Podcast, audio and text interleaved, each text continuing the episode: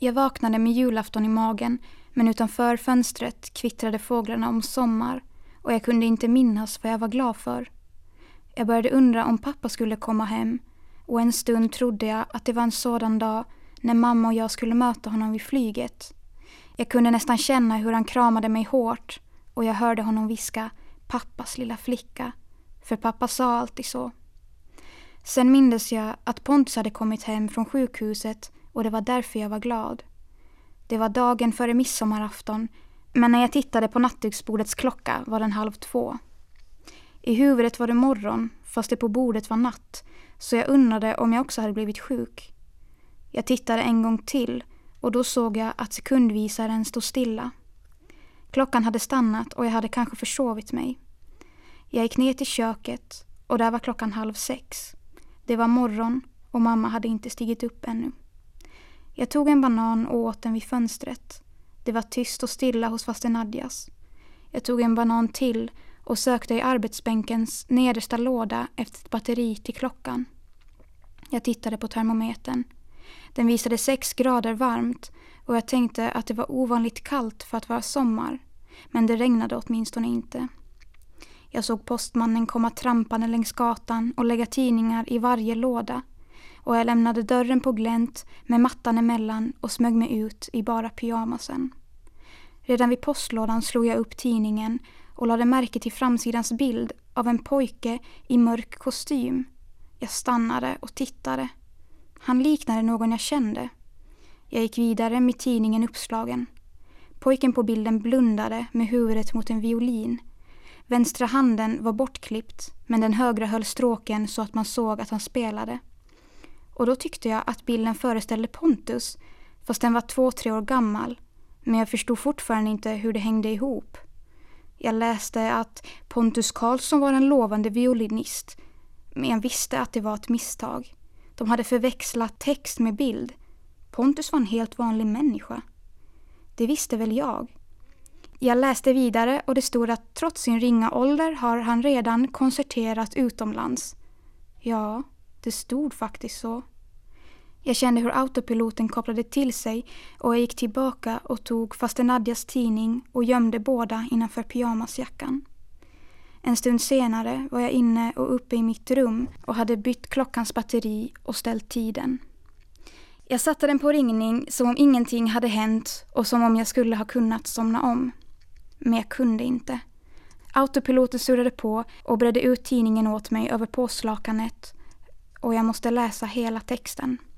Pontus Karlsson hade försvunnit måndagen den 9 juni på väg till ett musikläger i Karleby.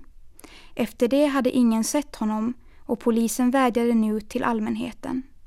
Det fanns tre olika telefonnummer man kunde ringa om man trodde sig ha sett Pontus Karlsson eller visste något om honom.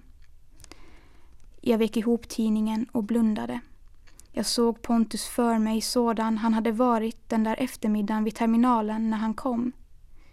Ingen utomstående skulle känna igen honom från bilden. Nu var hans hår längre och han såg äldre ut. Jag såg den tunga väska han hade burit på och mindes mappen på väskans botten. Den måste ha innehållit noter. Jag såg också den lilla ovala väskan han hade varit så rädd om och som han hade skyndat sig att gömma undan i klädskåpet. Jag förstod vad den innehöll och jag mindes hur Pontus en av de första dagarna hade påpekat att faster Nadja sjöng en ton fel. Sen tänkte jag ingenting alls på en lång stund. Medan järnkontoret kopplade till sig låg jag på täcket och blundade och kunde nästan höra Pontus nynna och vissla. Jag såg hans tankspridda ansikte framför mig och mindes hur jag hade frågat om han sett finare tulpaner än det vid stadshuset. Han hade tvekat. Det var pinsamt att tänka på det nu, för naturligtvis hade han sett finare tulpaner. I tidningen stod det att han hade uppträtt i Wien och New York, i Berlin och Amsterdam och jag tänkte på hur jag hade varnat honom för att gå vilse i vår pyttelilla stad.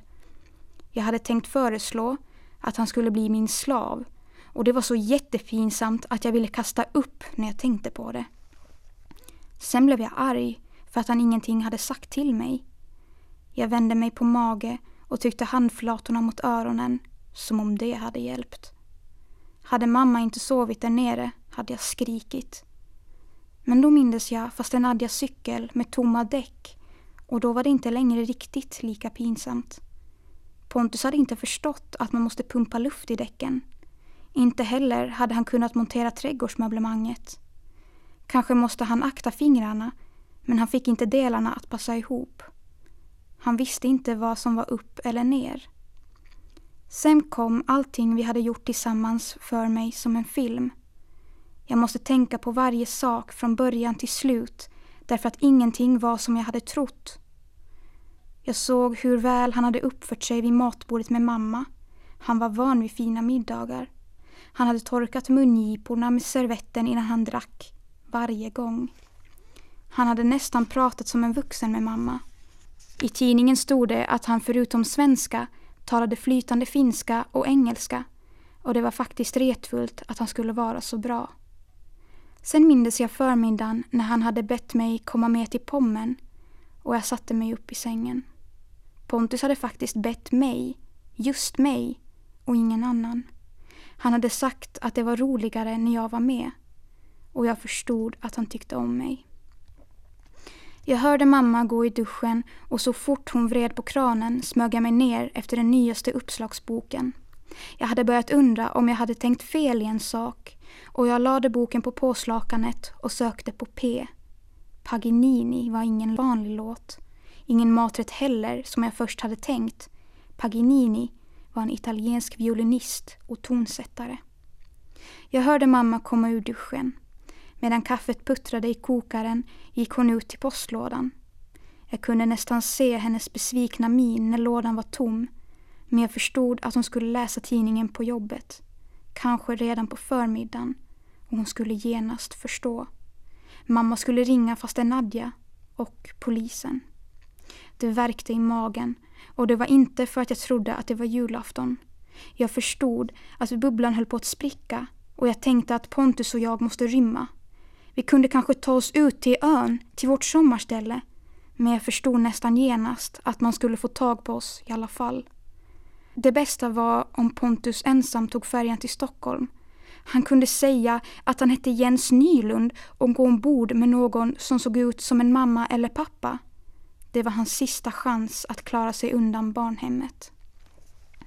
Så fort mamma hade farit gick jag i duschen och tvättade håret. Jag försökte kamma det och forma med torken men det blev ingen vidare så jag blötte det på nytt. Jag provade mammas ljusaste läppstift men det såg fånigt ut så jag torkade bort det igen. Jag borstade mascara på ögonfransarna och tog på mig mina nyaste jeans och den svarta t-skjortan. Sedan lånade jag lite av mammas parfym och snyggade upp i köket. Hela tiden med blicken ut genom fönstret. Måste faster Nadja och Pontus sova så länge, tänkte jag, för jag höll på att få panik. Då såg jag äntligen faster Nadja komma ut och gå till postlådan. Och fast jag inte kunde se hennes ansikte kände jag att hon var lika besviken som mamma. Hon hade säkert tänkt läsa tidningen utbredd framför sig medan hon åt frukost. Hon gick in och antagligen drack hon kaffet stående vid bordet för snart var hon ute igen och gick till garaget. Hon backade ut duetten och körde iväg och jag önskade att hon skulle stanna borta hela förmiddagen. Hon kunde gärna tro att tidningen var försenad så hon inte gick och köpte en. Fast Nadja ägde ingen mobil så polisen skulle inte få tag på henne medan hon var ute. Och då mindes jag min egen mobil och mamma som kunde ringa mig när som helst och jag stängde av den. Och strax såg jag Pontus komma ut på gården. Jag fick ännu mer ont i magen och drog ur jacket till den väggfasta telefonen.